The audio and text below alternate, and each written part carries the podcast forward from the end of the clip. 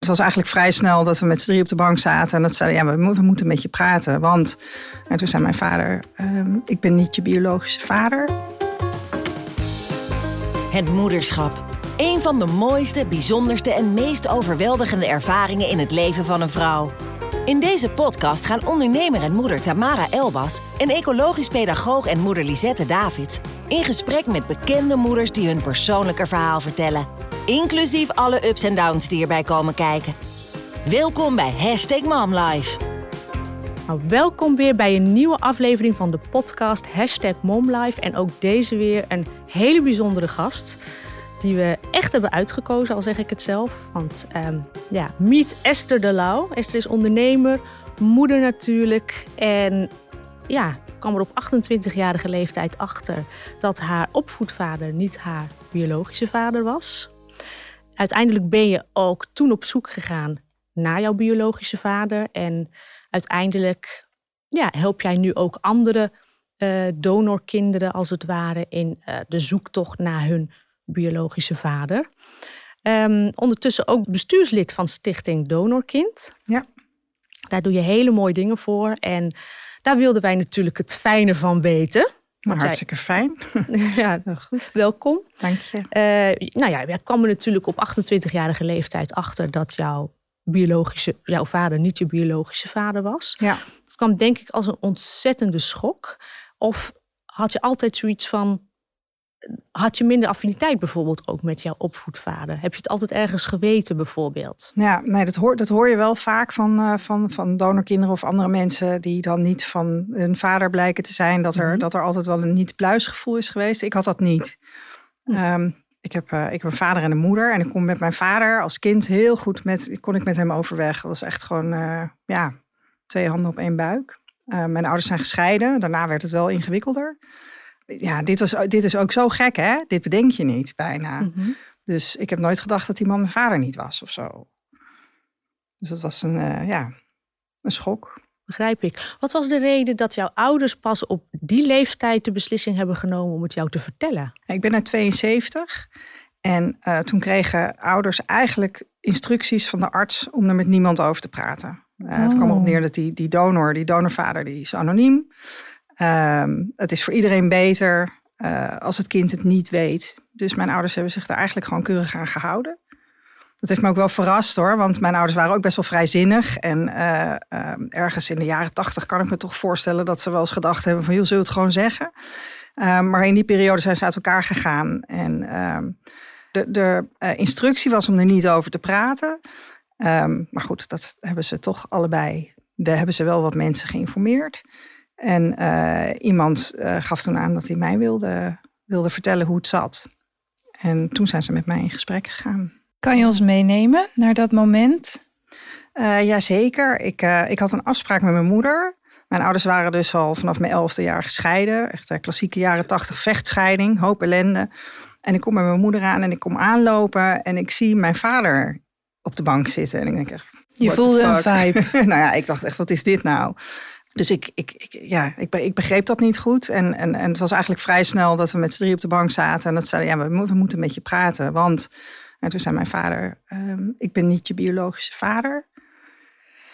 Nou ja, dan wat er dan gebeurt, dat, dat, kan ik niet heel goed omschrijven. Maar, um, want het is echt zulke basisinformatie wie je bent. Hè? Uh, uh, je vader en je moeder. Dat, dat als dat dan niet zo blijkt te zijn...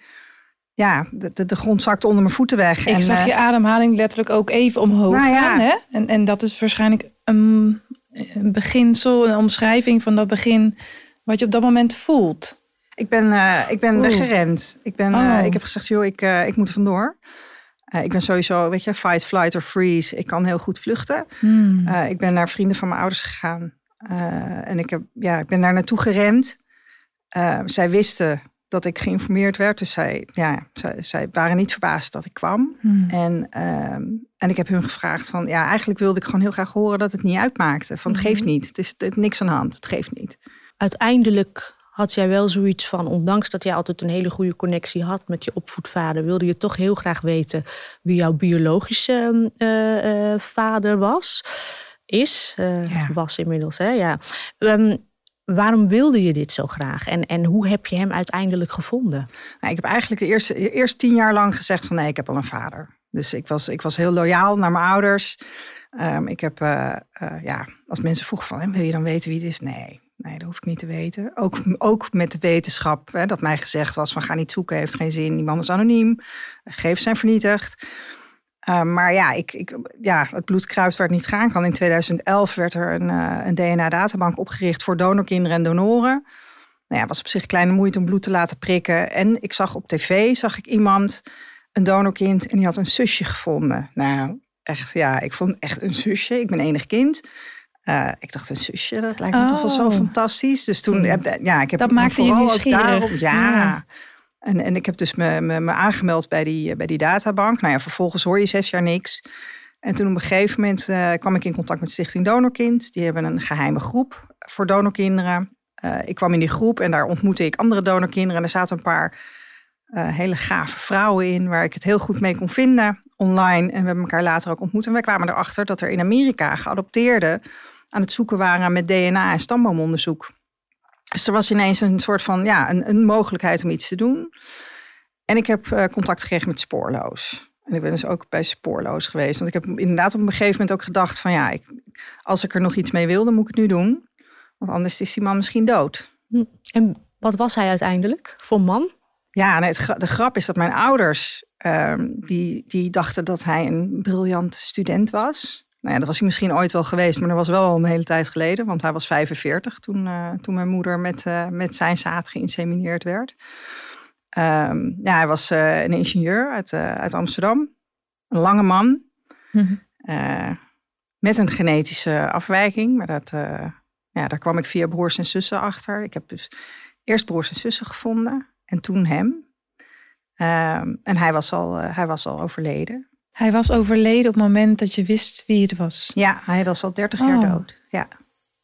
Wat voor gevoel kreeg je daarbij? Ja, dat wist ik niet zo goed. Wat, ja, hoe moet je rouwen om iemand die je nooit hebt gekend? Dat is heel, dat is, ja, misschien kan jij daar wat over zeggen. Maar dat is, dat is natuurlijk heel gek, want je hebt iemand nooit ontmoet. Ja, en, en je hebt broers en zussen leren kennen. Ja. Kan je wat vertellen over die eerste ontmoeting? Ja, de eerste zus was echt heel spannend. Um, we zaten dus in die geheime groep van Stichting Donorkind. En ik kwam bij dokter Swaap vandaan uit Amsterdam. Er waren meer mensen die bij dokter Swaap vandaan kwamen. Er was één dame. En uh, daar had ik wel al één op één ook al wat uh, via Messenger uh, wat berichtjes mee uitgewisseld. En toen was er een ontmoetingsdag, hebben we elkaar ontmoet.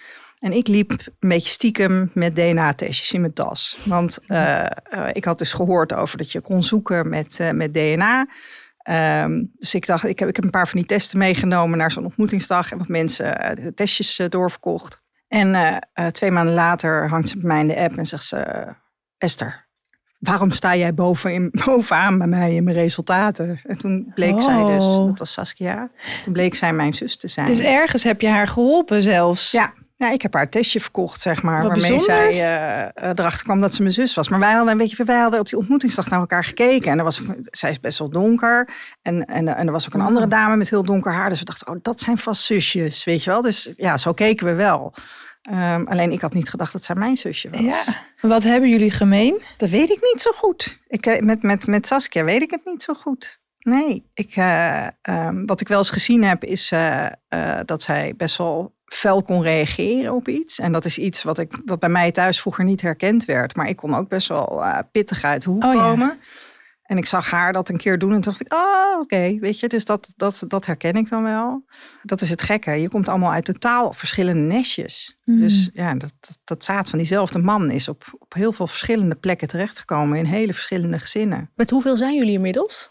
Um, ik heb nu op dit moment tien broers en zussen. En wow. daarvan zijn er twee de wettige kinderen van Gerard. Okay. Zo heet hij. Was het bij hun bekend dat uh, hun vader ook uh, donor was? Nee. Oké, okay, dus nee. zij hebben ook ineens een hele familie erbij. Ja, klopt. Ja.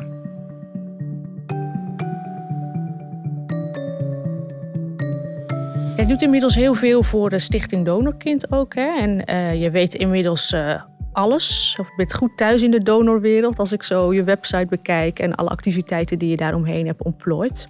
Met alle kennis die je nu hebt, zou je donorschap dan afraden? ehm, als je mijn persoonlijke mening vraagt, dan uh, zou ik, ik, ik. gun een kind altijd een vader en een moeder. Want je hebt nou eenmaal genetisch een vader en een moeder. En dat dan twee vrouwen met een man een kind krijgen, of twee mannen met een vrouw, of weet je, maar je hebt in ieder geval die vader en die moeder. Door zo iemand donor te noemen, schep je, schep je een soort van kunstmatige afstand, die er in mijn ogen niet hoort te zijn. Um, kinderen hebben volgens het kinderrechtenverdrag ook gewoon het recht om uh, te weten wie hun ouders zijn en ook bij ze op te groeien. Maar ja, dan moet je dus op je zestiende bij een wildvreemde meneer op bezoek. Ja. Uh, weet je, ik, ik vind het niet ideaal. En ik, ik, begrijp wel dat, dat een kinderwens heel krachtig kan zijn. Uh, dat ken ik ook uit mijn omgeving. Sterker nog, mijn moeder wilde heel graag een kind. Weet je, en was ze bereid om daar heel ver voor te gaan.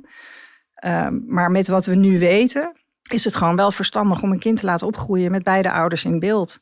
En dan maak je dus eigenlijk niet gebruik van een donor. Maar dan zoek je een vader of een, moeder voor je kind. Ja, want bijvoorbeeld uh, nou, jou, jouw biologische moeder dan um, en jouw opvoedvader. Hoe kijken zij tegen de situatie aan? Hoe jij bezig bent met onderzoek te doen naar je biologische familie? Is dat voor hun kwetsend of hebben, juichen zij dat juist toe? Ja, ik weet niet of het kwetsend is. Want ik ben sowieso, dat heb ik ze ook nooit gevraagd. Want weet je, zij hebben deze train of events in, in werking gezet. Hè. Zij hebben op enig moment het besluit genomen om gebruik te maken van een anonieme donor. Wat er nu gebeurt, komt daaruit voort. Ik doe mhm. niks om ze te kwetsen. Mhm. Dat vind ik wel belangrijk om dat even uh, te benoemen. Um, nou, mijn moeder die ondergaat het en die doet het hartstikke lief. Uh, met mijn vader heb ik eigenlijk, um, uh, zeg maar sinds de scheiding van mijn moeder af en aan moeizaam contact gehad. En op dit moment spreek ik hem niet. Dus ik weet ook niet mm. wat hij ervan vindt, wat ik nu allemaal uitspook. Complex onderwerp, waar enorm veel emotie bij komt kijken. Ja. Die voel ik ook als ik je zo hoor praten. Hoe ben je dat voor jezelf gaan verwerken? Ik denk dat ik dat op dit moment doe door, voornamelijk door, door andere mensen te helpen. Um, ik, mijn zoektocht dat schoot echt niet op. Ik, moest, ik heb echt drie jaar gestamboomd. En ik ben in die periode andere mensen gaan helpen. Dat is heel helend. Dat is ontzettend fijn. Want uh, het, is, het, is eigenlijk voor het eerst in mijn leven dat ik echt iets vind waar ik zo gepassioneerd over ben en waar ik me zo in kan verliezen. Ik heb heel veel contact met, met lotgenoten. Uh, je, je gaat met mensen samen zoeken en dat betekent eigenlijk dat je een reis maakt. Uh, dat, dat is echt gewoon ontzettend fijn om te doen.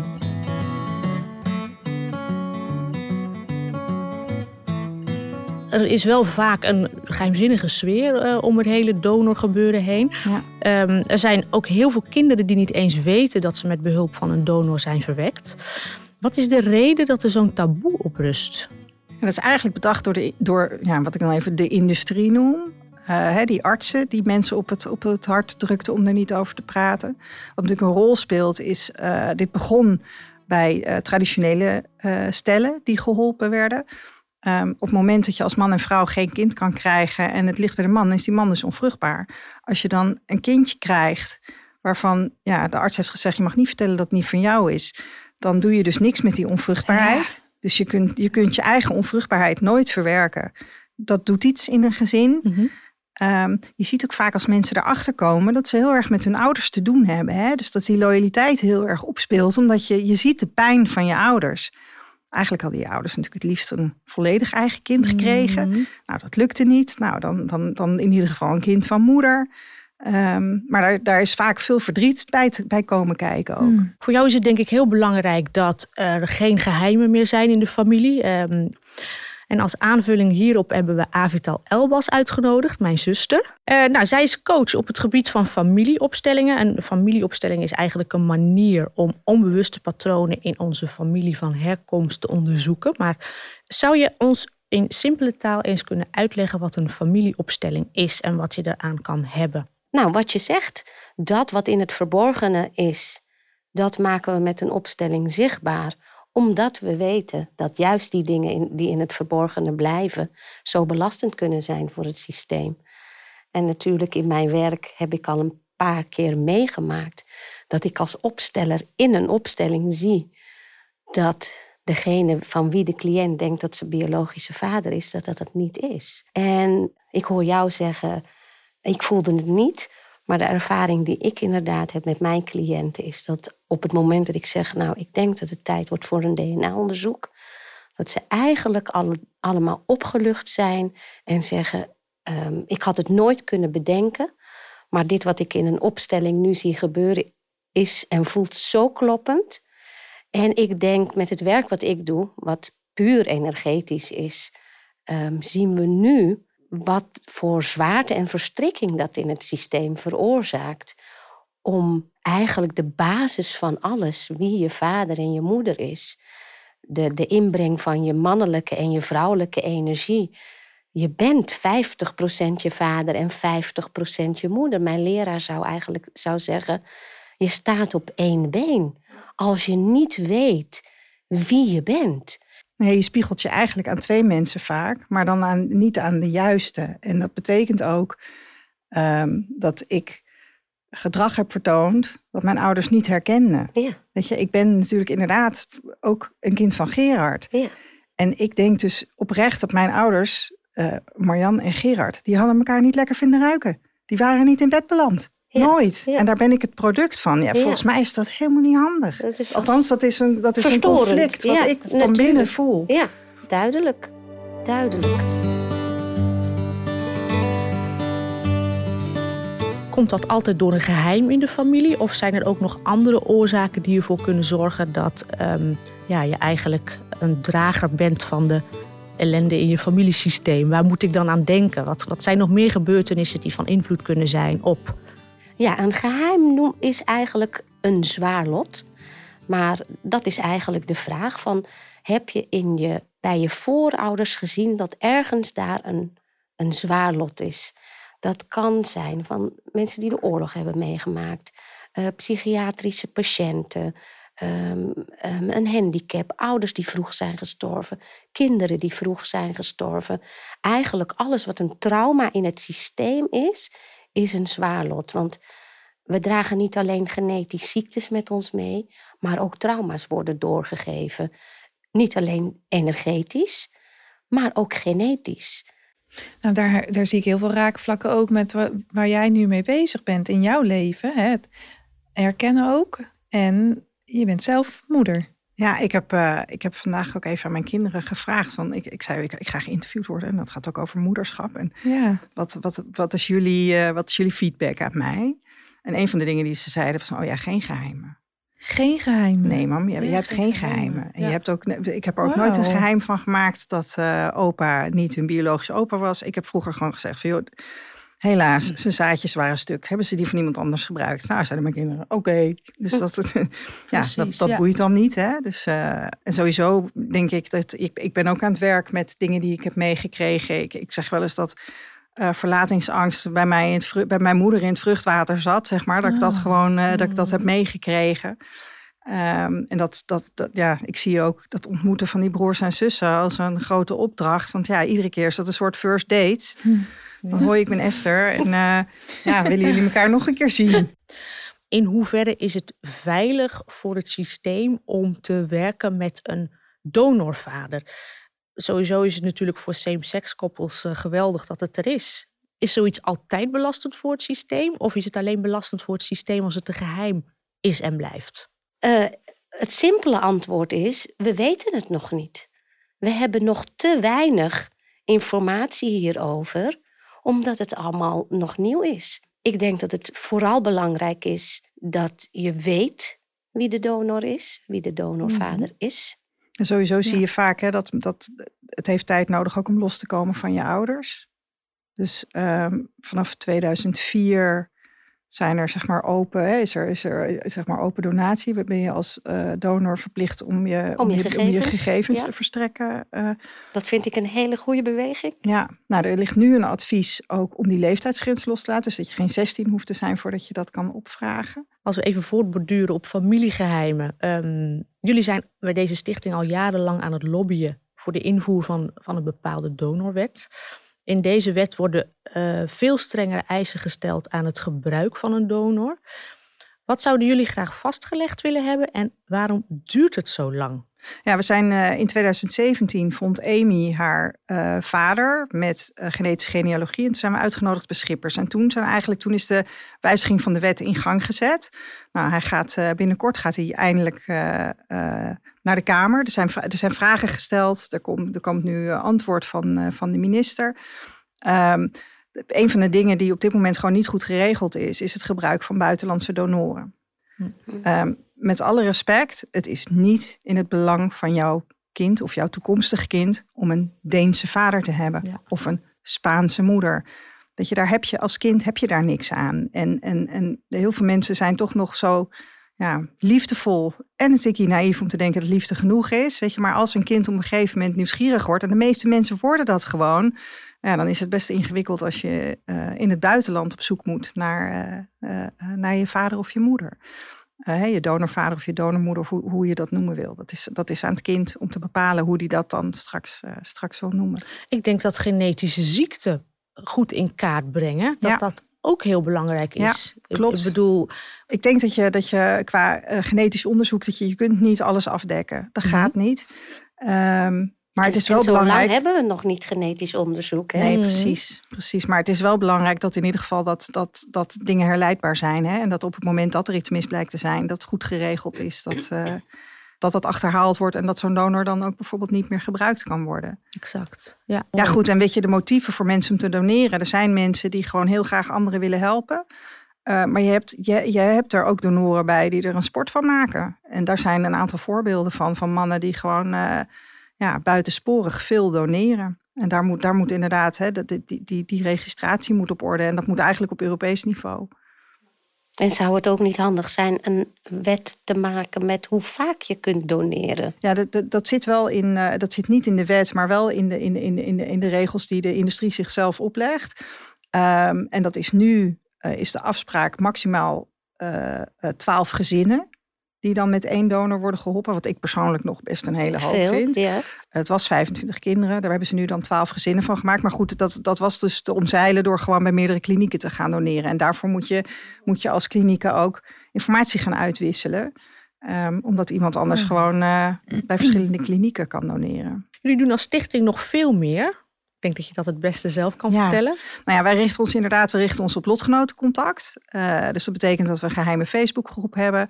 Uh, veel mensen horen dat ze donorkind zijn en uh, denken dan, oh jee, wat, wat overkomt mij nu? Je komt in een soort parallel universum terecht. dan ga je googlen, dan vind je ons als het goed is. En dan kunnen wij je in contact brengen met andere donorkinderen. We organiseren ook ontmoetingsdagen. Dus dan komen we live bij elkaar met mensen. En het is ontzettend fijn om met andere donorkinderen over je ervaringen te praten. Een van de dingen bijvoorbeeld op het moment dat je hoort dat je donorkind bent, is dat iedereen in de kamer, hier buiten, kan ineens familie van je zijn. Misschien ben jij mijn zus wel.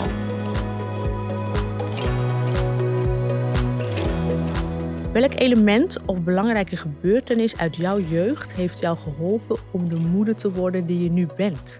En wat voor moeder ben je daardoor geworden? Ik denk, ik denk dat de scheiding van mijn ouders heel bepalend is geweest. Mhm. Eh, op meerdere vlakken. Ehm, het heeft me zelfstandig gemaakt. En ehm, ja, ik zei al even, ik heb mijn kinderen gevraagd hè, voordat ik hier naartoe ging. En, en, en mijn oudste zei van ja, wij moesten alles zelf doen. uh, die heeft ook gewoon, ja, uh, ik heb ze, ik, ik heb ze heel al, al, als, ja, als kleinkind gewoon het vertrouwen gegeven naar de supermarkt gestuurd. En ik was altijd iets sneller in het loslaten dan, dan hun vader, zeg maar. Um, en ik ben op een hele andere manier gescheiden. Want ik ben gescheiden. Ja. Ik ben, uh, ik ben ooit met, uh, met Flip getrouwd. Ik heb twee fantastische kinderen met hem gekregen. En op een gegeven moment ja, was het op. En um, ik wilde geen klassieke jaren 80 vechtscheiding. Uh, Flip en ik zijn allebei recent 50 geworden. We zijn op elkaars verjaardag geweest. Um, we, zijn gewoon, we kunnen heerlijk met elkaar bellen. En dan ontzettend trots zitten te zijn op onze kinderen. Verhalen oh, uitwisselen. Um, dus dat is, dat is ook wel heel bepalend geweest ja, ik ben, ik ben al lange tijd. Ik ben 14 jaar gescheiden dit jaar. Dus dat, dat, dat is echt al een tijd terug. Mijn kinderen zijn 18 en 20. Uh, dus die waren nog best, uh, best jong. Dat heeft er wel voor gezorgd dat je die ervaring van die ouders die niet met elkaar spraken. Of mijn vader die mij om de mm. hoek afzette als ik een keer bij hem was geweest. Weet je, ja, dat, dat gingen wij niet doen. Dus wij hebben ze samen grootgebracht. Heb je inmiddels een nieuwe partner? Ja, wat leuk. Uh, Vertel. ik was met een vriend aan het varen en uh, die zei van nou, dan gaan we voor jou een leuke man shoppen. We waren in Friesland, dus het werd een Fries. Uh, ik had een match met Meijen en ehm, hij is twee jaar geleden naar, naar Hilversum gekomen, waar ik woon. En hij woont nu de helft van de week met mijn kinderen en mij en de andere helft van de week alleen, alleen met mij. Hoe voel jij op het moment als persoon? Is het is het voor jou geheeld? Heb je het een plekje kunnen geven? En heb jij je draai kunnen vinden? Ja, weet je, ik ben natuurlijk veel meer dan alleen donorkind. Mm En dit is voor mij een moment om wel ja, weer met mezelf aan de slag te gaan. Ook vanuit het feit dat ik dat 50 geworden, dat doet ook wel iets, weet je. Um, mijn, mijn, mijn, mijn, kinderen, die worden zelfstandig. Uh, mijn jongste is 18, die doet eindexamen. Ja, die is straks weg en dan, weet je. dus ik ben ook ja, gewoon ja, aan het kijken van hoe... Ik weet, ik weet me eigenlijk geen raad met de gedachte dat ik dan straks niet meer de hele tijd moeder ben. Je blijft moeder, dat is een geruststelling. Ja, maar het wordt wel anders. Want ik, ja, ik, ik heb met mijn oudste nu ja, ik hoef eigenlijk nog maar één ding te doen, als de telefoon opnemen. En dan, ze belt één keer in de zoveel tijd. Ze woont nog bij me hoor. Maar als er, weet je, als er wat is, dan belt ze mij dus. En dan is het, mama. Ja, precies. En dan kan er echt een heel gaaf verhaal komen. Of iets heel spannends. Of iets wat gefixt moet worden. Of maar ja, whatever. Maar ja, mijn rol verandert wel. En welke belangrijkste boodschap geef je je kinderen mee? Dat ze, dat ze lief moeten zijn voor zichzelf.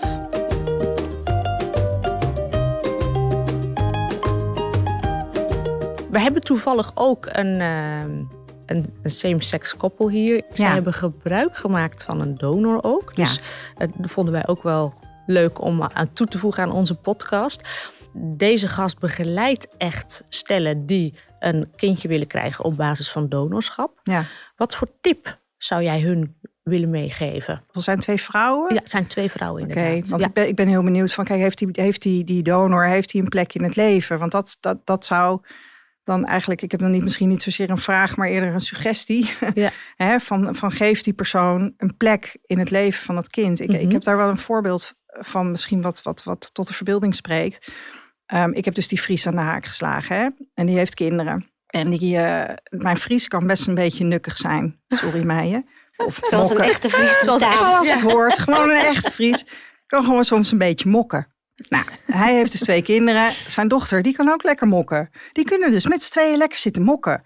En als ik dat zie, dan denk ik, oh wat heerlijk dat je dus bevestigd wordt, ook in je minder mooie eigenschappen, door je ouders. Want het mag er zijn, weet je. Het is, ja, dat, dat vind ik echt heel mooi. En daarvoor is aanwezigheid van die donor volgens mij een voorwaarde. Ja, ik vind, dat, ik vind dat altijd wel heel ingewikkeld hoor. En ik um, volg jou wat je zegt. Ja. En aan de andere kant denk ik, ja, ik heb ook voorbeelden van uh, ouders die uh, bij elkaar wonen. Uh, en maar bij hun kinderen toch wel aangeven van bepaalde eigenschappen dat die niet erkend worden ook. En dat die er niet mogen zijn. Of dat ze een andere verwachting opleggen bij hun kind. Of, Dus het is nooit het perfecte plaatje, denk ik, dat ik er gelijk bij voel. Ik snap wel wat je zegt, maar het kan dus ook bij een niet-donorkind ook zo gaan. Het is sowieso natuurlijk aan alle ouders een belangrijk advies van dat je je kind laat zijn wie het is. En, en, en dat je niet, ja, geen, geen onmogelijke, hè, voor dat kind onmogelijke verwachtingen oplegt of zo. Dat ze zichzelf mogen zijn. Wat zou jij willen voor de toekomst? Privégebied, zakelijk gebied? Um, nou ja, ik zit nu dus op, dat, op, op, op een snijpunt. Ik ben, aan, ik, ben, ik ben eigenlijk aan het bedenken van ja, hoe, hoe, hoe ga ik nu verder? Ik heb uh, uh, 25 jaar in, in, in de media gewerkt. Um, ik ben uh, begonnen met podcasten met een vriendin. We maken een donorkind podcast. Uh, nou, wat voor plek heeft die podcast? Kunnen we dat, kunnen we dat uitbreiden? Um, maar ook wat, wat, wat ga ik daarnaast doen? Dus ik een beetje mezelf opnieuw uitvinden. Begon met therapie, weet je. Dus dat, dat, alles komt een beetje bij elkaar nu. Nou ja, en dan uh, hebben we toch nog een laatste vraag. Uh, aan jullie beiden eigenlijk wel. Uh, hebben jullie ook het idee dat familiegeheimen altijd uitkomen? Ja, ik durf niet altijd te zeggen, want dat is wel heel stellig. Maar ik, ook in mijn persoonlijke leven, maar zeker, zeker ook professioneel dat er geheimen zijn die soms na 30, 40 jaar toch uh, als een lijk de kast uitkomen rollen. En dat je eigenlijk de situatie en hoe het dan naar buiten komt, dat je dan denkt, nou, dit is bijna onmogelijk. En toch komt het naar buiten. En dat is dan een gevoelsbeleving bij iemand? Of een, of een hoe werkt dat? Ja, er is altijd iemand die het geheim weet. Wat het geheim ook is. Oh, er is altijd iemand. En die bijvoorbeeld last krijgt van zijn geweten. Is elke, elke nare gebeurtenis en elk geheim in de familie, is dat geheid van invloed of slaat het ook wel eens een generatie over? Het slaat ook wel eens generaties over, maar dat is eigenlijk zelden. Ja, als het gaat om het uitkomen van het geheim, als het in relatie tot donorkinderen, dan uh, maken we dus inderdaad ook uh, familieleden mee die, die, die ervan weten en die het geheim niet langer kunnen dragen. Dat kunnen ook dronken tantes oh, ja. op feestjes zijn. ja? Het kunnen oh. ouders zijn die uh, in een boos, weet je, in ruzie op elkaar over en weer dingen verwijten. En dat er dan ook gezegd wordt oh. van, joh, jij bent toch hun vader niet.